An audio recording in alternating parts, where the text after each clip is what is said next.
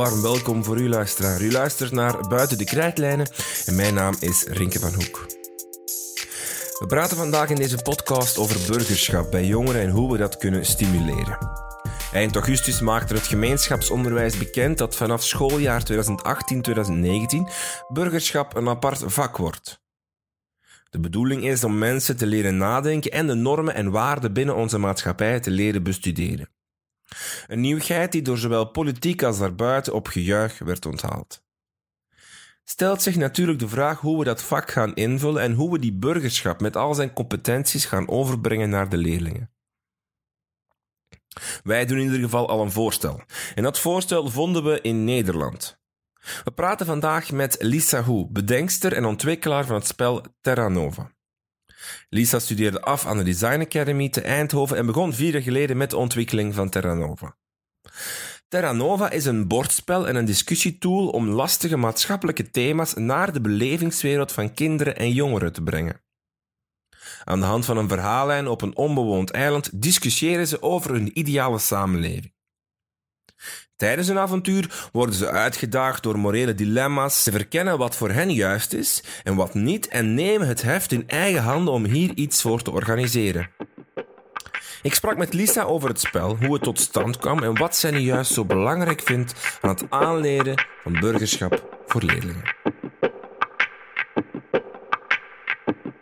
Dag Lisa. Uh, jij hebt het uh, spel Terra Nova uh, ontwikkeld. misschien eerst even gewoon over het spel zelf. Hoe, is het spel, hoe gaat het spel in zijn werk? Ah, ja. Nou, Terra Nova, of Terra Nova Minimaatschappij, is een methode voor, voor kinderen en tegenwoordig steeds ook steeds meer voor, voor volwassenen om erachter te komen wat nou je, je basiswaarden zijn en wat je belangrijk vindt in, in samenleven.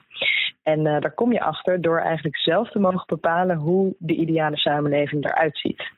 Maar dit doe je tijdens een spel waar je niet alleen omheen zit, maar met z'n vijven.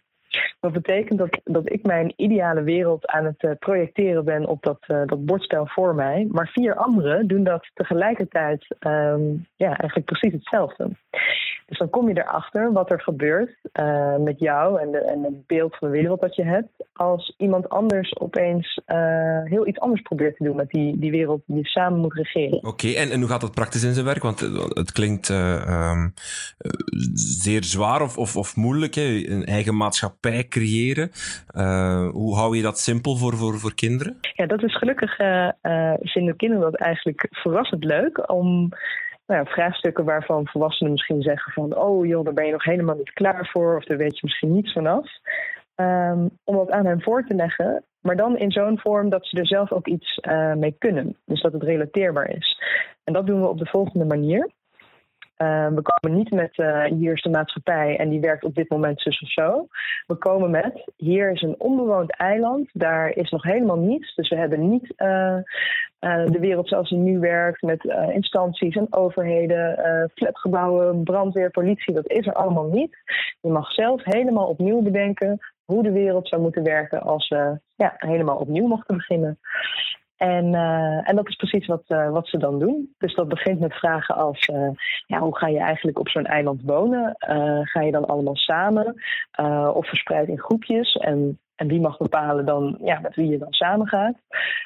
moet er misschien een soort leider zijn op dat eiland? Of, of meerdere leiders? Of misschien een heel ander systeem? dus dat mag je helemaal opnieuw bedenken. En je hoeft dus ook niet vast te houden of je um, aan, aan hoe het nu werkt. En je hoeft dus ook niet te weten wat de systemen nu zijn. En dat maakt het eigenlijk heel toegankelijk ook juist voor kinderen. Dus leerlingen krijgen alleen de vraag, maar geen antwoorden. Dus het is niet dat ze bijvoorbeeld welk, uh, wat voor leider wil je, dat ze antwoord krijgen als je kan kiezen uit een, een, een dictator, een democratie of, of uh, verschillende leiders. Ze mogen dat volledig zelf. Het, is, het antwoordvlak is leeg eigenlijk, geen multiple choice. Ja, ik denk dat een, uh, een multiple choice, dat, dat zie je wel eens terug in, in maatschappijleermethoden of nou ja, andere meer schoolse settings, waarmee je dus op die manier leert over welke opties er eigenlijk zijn. Maar ik geloof eigenlijk dat die systemen zijn ontstaan uit uh, een soort noodzaak. Dus laten we bijvoorbeeld zeggen, uh, het communisme uh, is dan misschien ontstaan uit het idee van, of uit het ideaal van, wat nou als we allemaal voor elkaar zouden kunnen zorgen en dat er niet iemand meer heeft dan een ander of meer waard is dan een ander. dat gevoel, dat leeft natuurlijk bij, bij meerdere mensen nog steeds. En dat zal ook dus voorkomen op zo'n eiland. Ehm, dus omdat er, denk ik, behoefte is aan iets in de samenleving, ontstaat er zo'n systeem. En ik denk dat, dat zo'n systeem dan veel beter blijft hangen als je dat zelf hebt bedacht en zelf hebt uitgeprobeerd, dan wanneer iemand jou vertelt.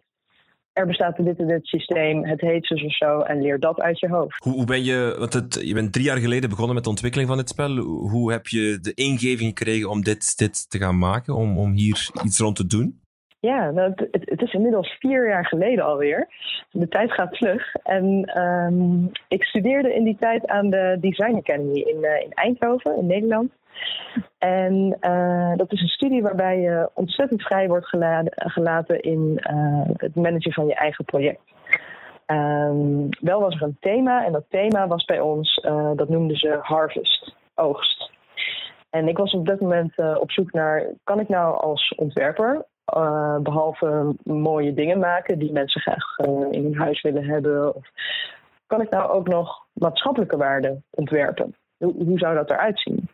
En dat in combinatie met het thema harvest, uh, daarmee ben ik op zoek gegaan naar wat zou nou eigenlijk de oogst zijn van de maatschappij.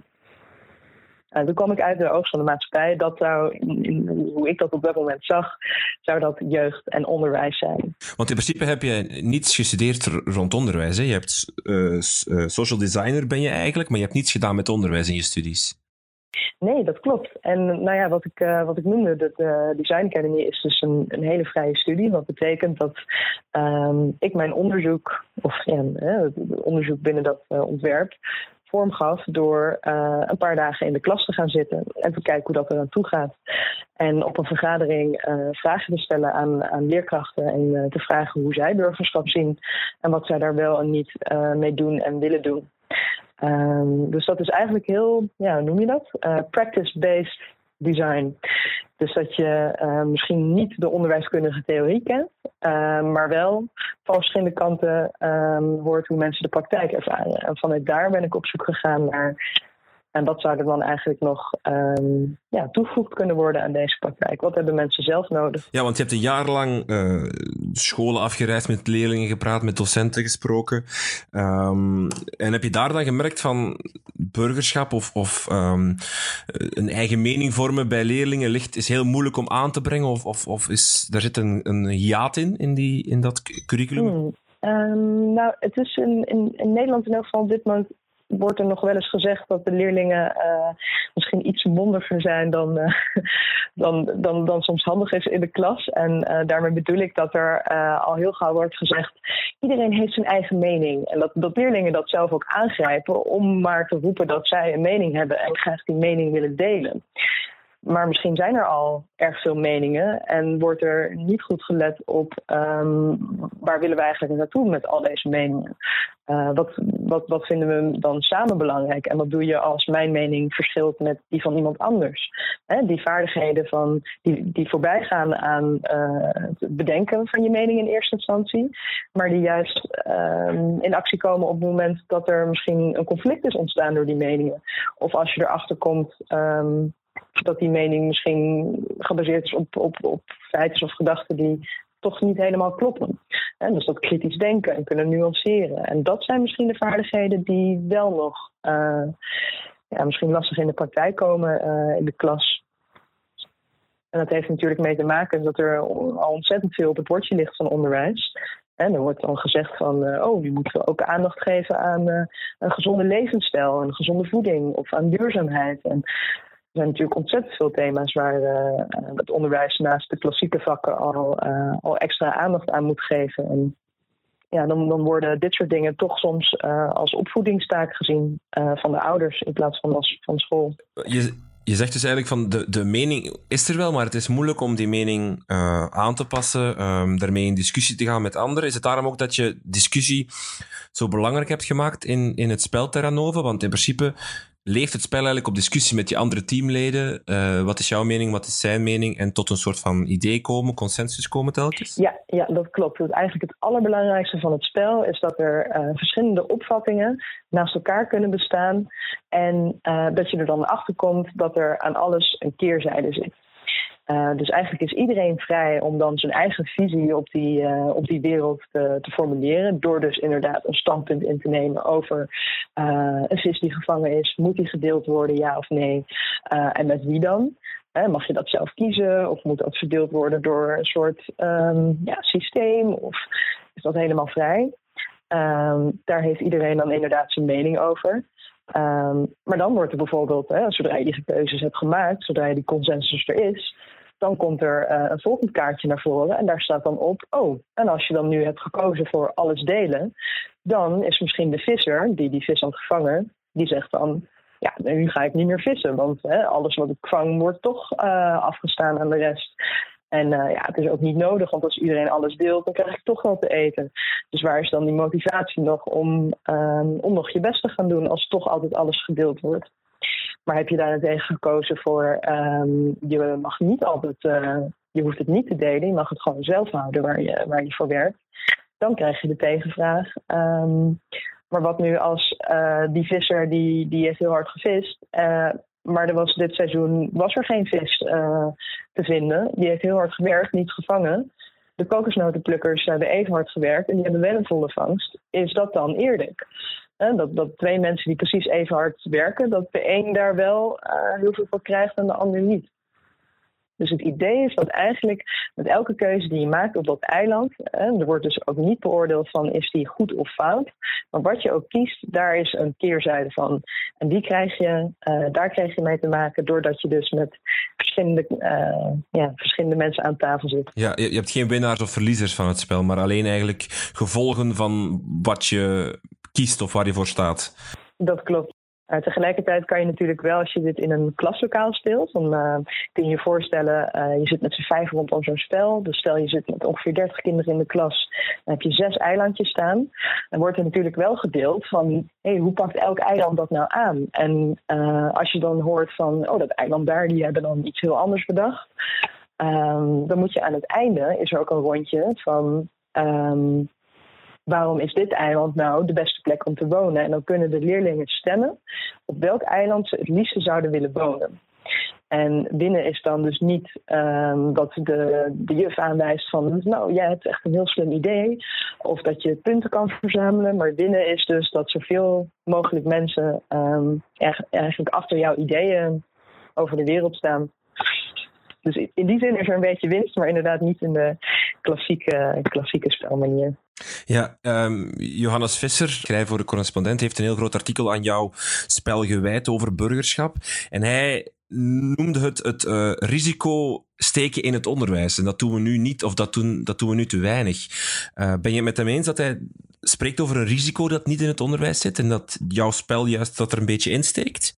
Ja, ik denk wel in de zin uh, dat, het, dat het risicovol kan voelen uh, als je niet weet wat de uitkomst gaat zijn. Dus als je, um, eh, als je school zou zien als een, als een fabriek waar je hele vaste meetbare dingen, als je daar alleen op aandacht aan zou geven en dan weet je de resultaten van de leerlingen die deze school hebben gedaan, die zijn X. En zij kunnen dit en dat als, als ze hier klaar zijn ja, dat is misschien heel veilig en dan weet je precies wat ze, wat ze kennen en kunnen. Uh, tegelijkertijd komen we ooit vooruit als we niet bevragen uh, wat we nu belangrijk vinden. Dus uh, misschien zijn er nog een hele hoop dingen die niet zo makkelijk meetbaar zijn of die niet ja, eenduidig goed of fout te noemen zijn. En want dat is iets wat vaak dan over burgerschap gezegd wordt: van oh, dat is een hele, een hele um, nette manier om maar hele nette burgers uh, te kweken. Hè, die precies zeggen wat de, de overheid wil. Um, maar dat geloof ik niet. Ik denk dat het gaat om juist uh, ook kritisch kijken naar wat, wat vinden we op dit moment eigenlijk belangrijk in onze samenleving. En misschien heel praktisch. Is deze in deze wet wel, wel goed? misschien moet dat anders. Misschien is dat helemaal niet eerlijk of is dat niet meer relevant in deze tijd. Um, ja, en daar zit natuurlijk een risico in dat, dat je uh, in plaats van ja, misschien uh, leerlingen met precies dezelfde kennisbasis of precies dezelfde mening aflevert, dat je dus ook tegen draadsheid kan kweken. Uh, of iemand die zegt, nou, ik ben het hier niet mee eens. Of die misschien een mening heeft die heel controversieel is, waarvan je denkt, oh jee, krijg ik nu een conflict in de klas als ik dit soort dingen, ja, dit soort gesprekken ga, ga stimuleren. Maar tegelijkertijd geloof ik dat als er leerlingen rondlopen met, met bepaalde ideeën, die misschien als controversieel worden gezien, uh, waar anders kan je die dan een, een, context bieden dan op school? Waar nog meer leerlingen van diezelfde leeftijd rondlopen, die misschien weer op een andere manier zijn opgevoed, of die andere dingen op het nieuws hebben gehoord. En dat je dus ook um, ja, een soort tegenbeeld biedt aan wat er, wat er nog meer allemaal leeft aan diverse, diverse ideeën en, en personen op deze wereld. En daarin kan school dus wel een heel mooi moment zijn om dus um, ja, die discussie, of misschien zelfs iets wat als conflict kan voelen, uh, om dat te faciliteren en te, te, ondersteunen. Heb je dat gemerkt in je, in je testfase, dat, je, dat, er, um, ja, dat er een beetje risico kwam in de les? Dat, je, dat, dat er bijvoorbeeld bij leerkrachten ook dat je niet goed wist hoe leerlingen gingen reageren en dat er misschien reacties kwamen waarvan je dacht van oei, is dit wel juist? Kan dit wel? Ja, ja het is, um, Terra Nova blijft natuurlijk een, een stuk ja, veiligere manier om, om het over uh, uitdagende vraagstukken te hebben dan, uh, dan wanneer je dat uh, ja, out of the blue daarover zou beginnen. Hè? Want het, het mhm. is een spel, het gaat over poppetjes op een eiland die iets meemaken en niet over jijzelf. Er, er, komt een blauw poppetje op het eiland die nieuw is en niet uh, leerling X. Daar wordt niet van gezegd, jij bent nieuw, dus jij mag hier niet zijn. Het gaat echt over het spel. Uh, maar het gebeurt natuurlijk wel dat er bepaalde dingen omhoog komen. Dus zo is het wel eens gebeurd dat er wordt gezegd: ja, die nieuwelingen, die schipbreukelingen, die, die moeten wij hier niet wegwezen. Of we schieten ze allemaal door het hoofd, wordt wel eens gezegd. En dat zijn natuurlijk hele um, ja, heftige dingen om te horen. En tegelijkertijd denk ik: wauw, we zitten op school. Dit is een moment dat we daar naar kunnen luisteren en kunnen vragen, hè, kunnen doorvragen. Wat zit hierachter? Waarom heb je dat idee? Of waar, waar komt dat vandaan? Uh, heb je dat ergens gehoord? Waarom voel je dat zo? Uh, ben je ergens bang voor? En dan, en dan kan dat gesprek gevoerd worden. Uh, ja, is, dus dat rol van de, is dat de rol van de begeleider ook op dat moment dan? Van de leerkracht Zeker, ja. die, die op dat moment doorvragen en niet afblokken? maar doorvragen. En, ja. Absoluut. Ik hoor ook wel eens eigenlijk zowel van, uh, van ouders als van leerkrachten dat, uh, dat Terra Nova, hè, is natuurlijk een spel met allemaal voorbeelden over uh, maatschappelijke vraagstukken. Maar meer dan dat is het ook iets wat, uh, waarbij je kan oefenen met doorvragen en als facilitator je eigen normen waarden even opzij te zetten, maar op zoek te gaan naar wat er echt speelt voor de spelers. Um, en dat, dat gaat dus inderdaad over uh, als iemand iets zegt waarvan je denkt: oh god, hier ben ik het echt niet mee eens. Om dan dat niet direct af te keuren of daar überhaupt een mening over te hebben. Maar dus op zoek te gaan naar uh, waar, waar komt dat vandaan. Uh, en er zitten kaartjes bij het spel die, die daarbij helpen. Dat zijn discussiekaarten. En daar staan vragen op als welke nadelen kan dat hebben? Of um, waarom is dat eigenlijk goed? Of waarom denk je dat? En wanneer werkt dat niet? En dat zijn dus open vragen die eigenlijk um, ten alle tijd stellen zijn aan elkaar. En dat het dus ook ja, normaal wordt eigenlijk om, om elkaar te bevragen over, over die dingen die gezegd worden.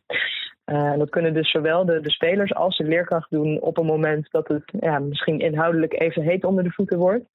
Um, en dat je dus eigenlijk vooral heel benieuwd bent naar uh, wat zit er eigenlijk achter. En kunnen we dat, um, kunnen we het daarover hebben. Mm -hmm. Zijn er verder nog valkuilen aan het spel dat je zelf hebt ontdekt in de testfase? Van hier moet op, voor opgepast worden, hier moet um, de begeleider, de leerkracht uh, goed een goed oogje in het zeil houden? Of kan het allemaal heel vrij gebeuren? Hmm. Ja, ik, ik ben groot voorstander van uh, uh, dat het vrij kan gebeuren en dat elke leerkracht dus, dus zelf kan inschatten van, uh, nou in mijn klas werkt het zus of zo, dus dan, dan pak ik het iets meer op deze manier aan. Of, um, dus die vrijheid is er zeker. Uh, en iets wat ik toch, ja, wat, wat dan inderdaad het, grootste, de grootste valkuil is, uh, is hoe makkelijk je, dat merk dan als ik dan voor de klas sta, hoe makkelijk je uh, alleen al door gezichtsuitdrukking of door een glimlach of door te zeggen, wat, wat een goed idee, Keesje, dat je dat zegt. Um, door dat soort dingen te laten merken dat je eigenlijk constant onbewust um, aan het normeren bent. Wat, wat, ja, je, je ziet in een mal wel, welke antwoorden je van leerlingen wilt horen. En uh, dat dat soms ook ja, wel, wel uh, beperkend kan zijn. En dat, dat uh, ja, het bewustzijn van hoe ontzettend veel invloed je hebt als autoriteit, als je daar zo voor de klas staat, um, op wat deze leerlingen als, als goed en als waar zullen opslaan. Um, en een voorbeeldje dat ik daarbij heb, ik, sprak laatst uh, iemand die eerder voor de klas heeft gestaan op, bij het christelijk onderwijs. En daar had ze een, een groep vier. En dus dat zijn even het equivalent, dat is klas, klas 2, denk ik. Um, dus dat zijn leerlingen van, um, even kijken, van een jaar of zeven. En die kwamen binnen aan het begin van het jaar en ze vroeg die leerlingen van, uh, jullie hoe de aarde is ontstaan? En uh, nou, de een zei, nou, via een oerknal. En een andere had weer een ander verhaal. En uh, toen was de rest van het jaar, uh, gaf zij het onderwijs zoals dat gewoon op die, op die school werd geregeld. dus dat, daar hoorde ook bij dat er verhalen uit de Bijbel werden voorgelezen. maar verder niet op een, op een opdringerige manier of op een hele vaste manier. En aan het eind van het jaar vroeg ze nog eens van jongens, weten jullie hoe de, hoe de aarde is ontstaan? En toen zeiden ze, ja, ja dat, die heeft God geschapen. Um, en zo is er dus in een jaar tijd, zonder dat heel bewust uh, op een bewuste manier te doen, heb je voor een hele klas bepaald hoe zij naar de wereld kijken. Of in elk geval voor dit soort dingen. En dat, dat bewustzijn van, um, ook al doe je dat niet expres, er is ons, en dat maakt ook niet uit of dat, of dat wel of niet goed of fout is. Of je hebt gewoon ontzettend veel invloed op die kinderen die je daar elke dag ziet. En ja, dat dat iets is om wel bewust bewustheid te zijn op het moment dat er dus uh, lastige vraagstukken omhoog komen kunnen we hen dan faciliteren om zelf op zoek te gaan naar goed en fout. Zodat ze dat ook, hè, als ze niet meer op school zitten, niet meer die begeleiding hebben, zodat ze in de toekomst ook over vraagstukken die we nu nog niet kennen, ook zelf opnieuw kunnen inschatten wat goed of fout is. Dus het is echt de kunst om jezelf als, als begeleider eigenlijk jouw oordeel volledig uit te schakelen. Uh, en dat bewust van te zijn dat je dat ook op, op zeer uh, onbewuste manier eigenlijk uitstraalt soms. Ja, ja, zeker weten. Ik, ik betrap me er zelf uh, elke keer nog op dat ik, uh, ja, als ik een fantastisch idee hoor van leerlingen, dat ik dan stiekem toch sta, sta te glimlachen of zeg, oh wat goed, wat, goed, wat slim van jullie. En um, wat ik dan probeer te doen is um, te oordelen, of eigenlijk zo min mogelijk te oordelen, maar iets te zeggen over het proces. Dus bijvoorbeeld, oh wat goed dat jullie hierover hebben, over hebben doorgevraagd, of dat je daar een vraag over hebt gesteld aan elkaar. Maar niet te zeggen of die inhoud, dus hoe ze die samenleving inrichten, of ze wel of niet voor elkaar zorgen, of die nieuwelingen wel of niet welkom zijn op een eiland daar probeer ik niet over te oordelen of dat de juiste manier is. Mhm. Je hebt het spel waarschijnlijk al honderden keren uh, gespeeld en zien spelen. Heb je zelf al dingen geleerd van, van de kinderen van die het spel spelen? Uh, wereldvisies die veranderd zijn bij jou sinds uh, dat je het spel hebt zien spelen? Oeh, ja. Zeker. Ik, uh, ja, zelfs kinderen vanaf een jaar of acht. Het is zo ontzettend rijk hoe, zij soms kunnen kijken naar, um, naar de wereld. En dan bedoel ik vooral de, uh, de openheid om te zeggen: hé, hey, wat gek eigenlijk dat we dat zo doen in de wereld. Dat moeten we gewoon anders doen. Waarin een volwassene misschien eerder zou blijven vasthouden aan: uh, nee, dat is nou eenmaal zo. Of dat vind ik gewoon een goed idee. Um, en een voorbeeld daarbij is dat uh, um, op een gegeven moment hadden we het uh, met, met het eiland over, of met de eilanden over uh, ruilhandel. En dan ging het over wat nou als wij één kokosnoot, één etenseenheid, zouden ruilen voor één graan. Um, en toen hadden we het er ook over, ja, misschien dat, dat graan, dat vergaat misschien over een tijdje. Over twee weken gaat dat rotten en dan is het minder waard. En uh, wat nou als je dat uh, uh, dan over twee weken, dus dat je veel meer graan kan krijgen voor die ene kokosnoot. Als je dat ruilt met dat buureiland. En die mensen hebben, iedereen heeft natuurlijk nog steeds even hard gewerkt daarvoor. En dat dat dus eigenlijk, zou je nu dan zeggen, nou dan is het gewoon eerlijk als je dus een gelijke ruil maakt. één tegen één, gewoon wat het waard is en waar iedereen voor heeft gewerkt. En toen hadden we het dus over van hoe, gek het eigenlijk is dat we in de normale wereld wel de hele tijd op zoek zijn naar koopjes. Hè? Twee voor een prijs van één, twee halen, één betalen, en wachten tot het uitverkoop is. Dat dat, um, wat een leerling op een gegeven moment ook zei van, oh ja, we maken hier nu eigenlijk een, een wereld die heel fijn is. Maar wat we in ons echte leven doen, is precies het tegenovergestelde. Hoe kan dat? hoe, hoe kan het dat we het in het echte leven dat we het zo anders doen dan hoe we het eigenlijk willen?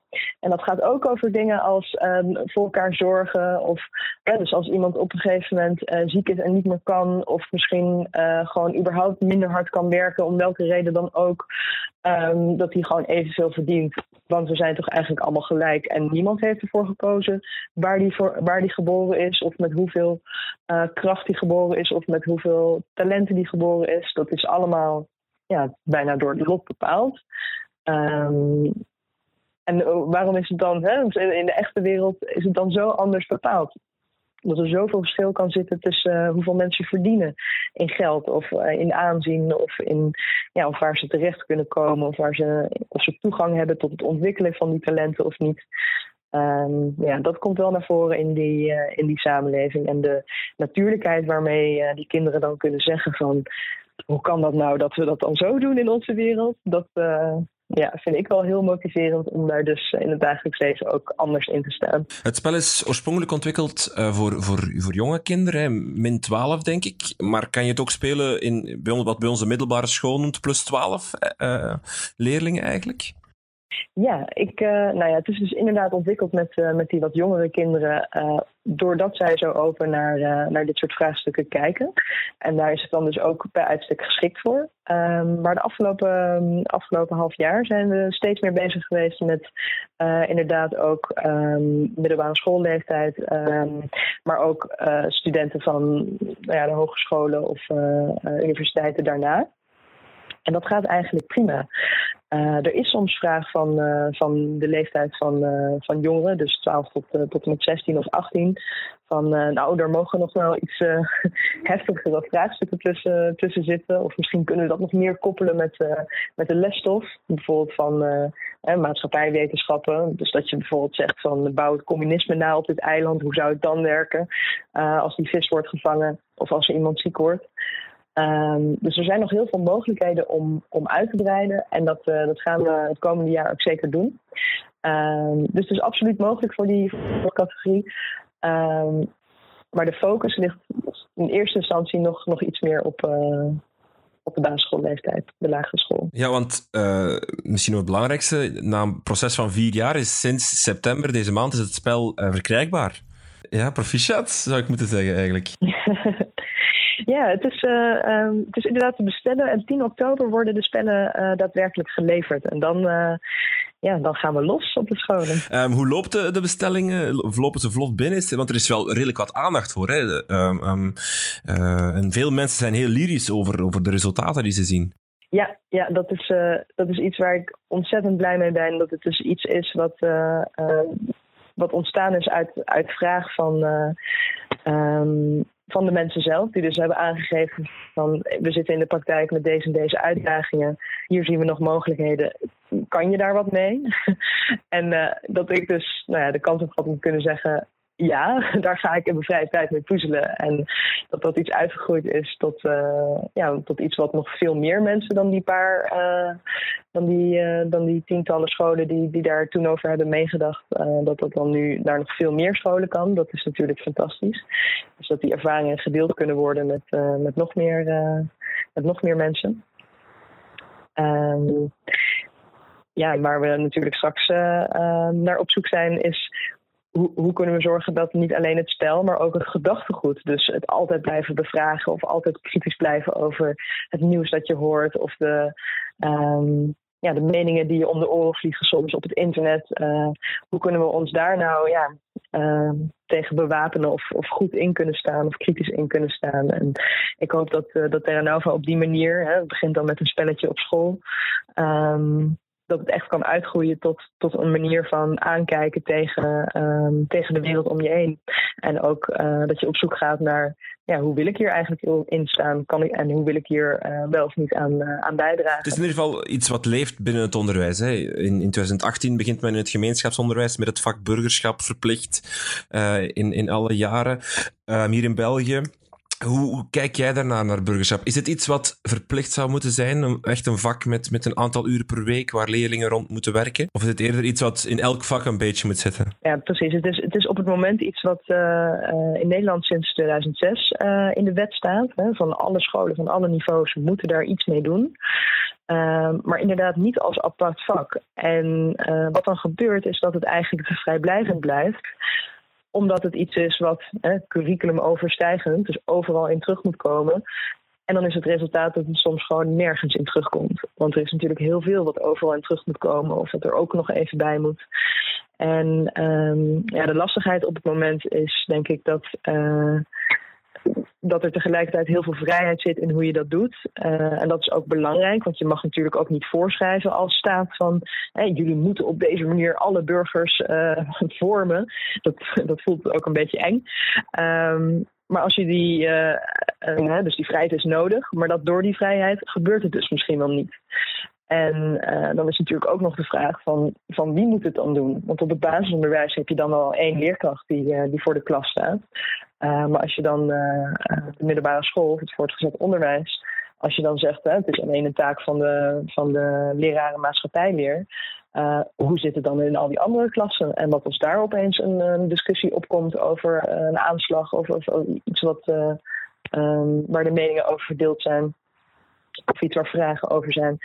Um, in principe zou iedereen er natuurlijk uh, bemand voor moeten zijn om, om een gesprek te faciliteren. En tegelijkertijd zijn er ook altijd dus nog experts nodig die uh, echt de context kunnen duiden.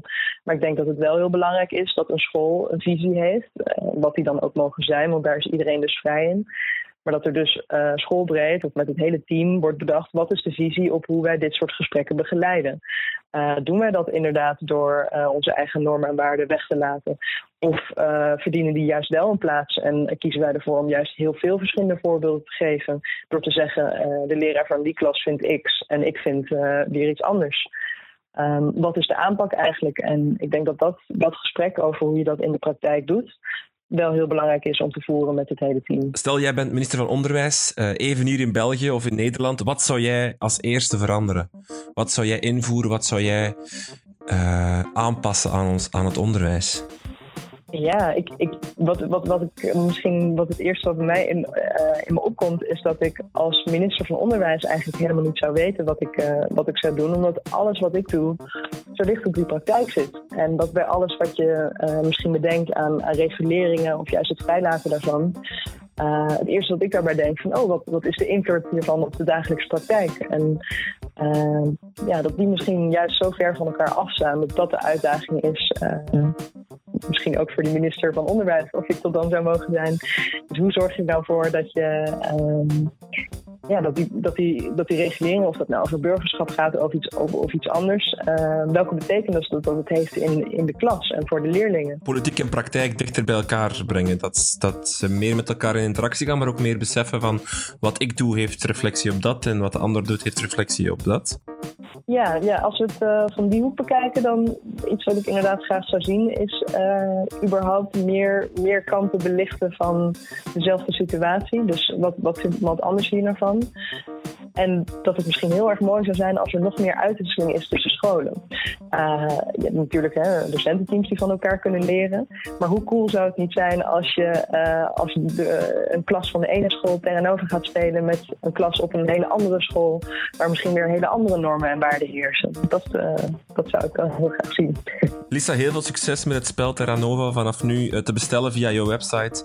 En heel veel dank om ons te woord te staan. Dankjewel.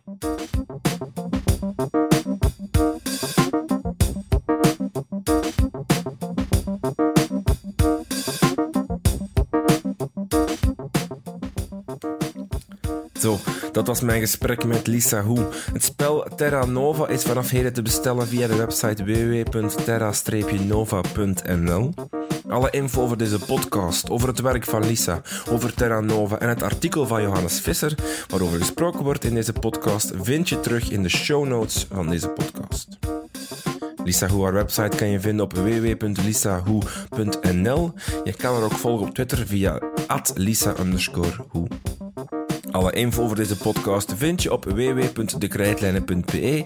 Je vindt ons ook op Facebook en ook op Twitter via @dekrijtlijnen. Dank voor het luisteren en tot de volgende.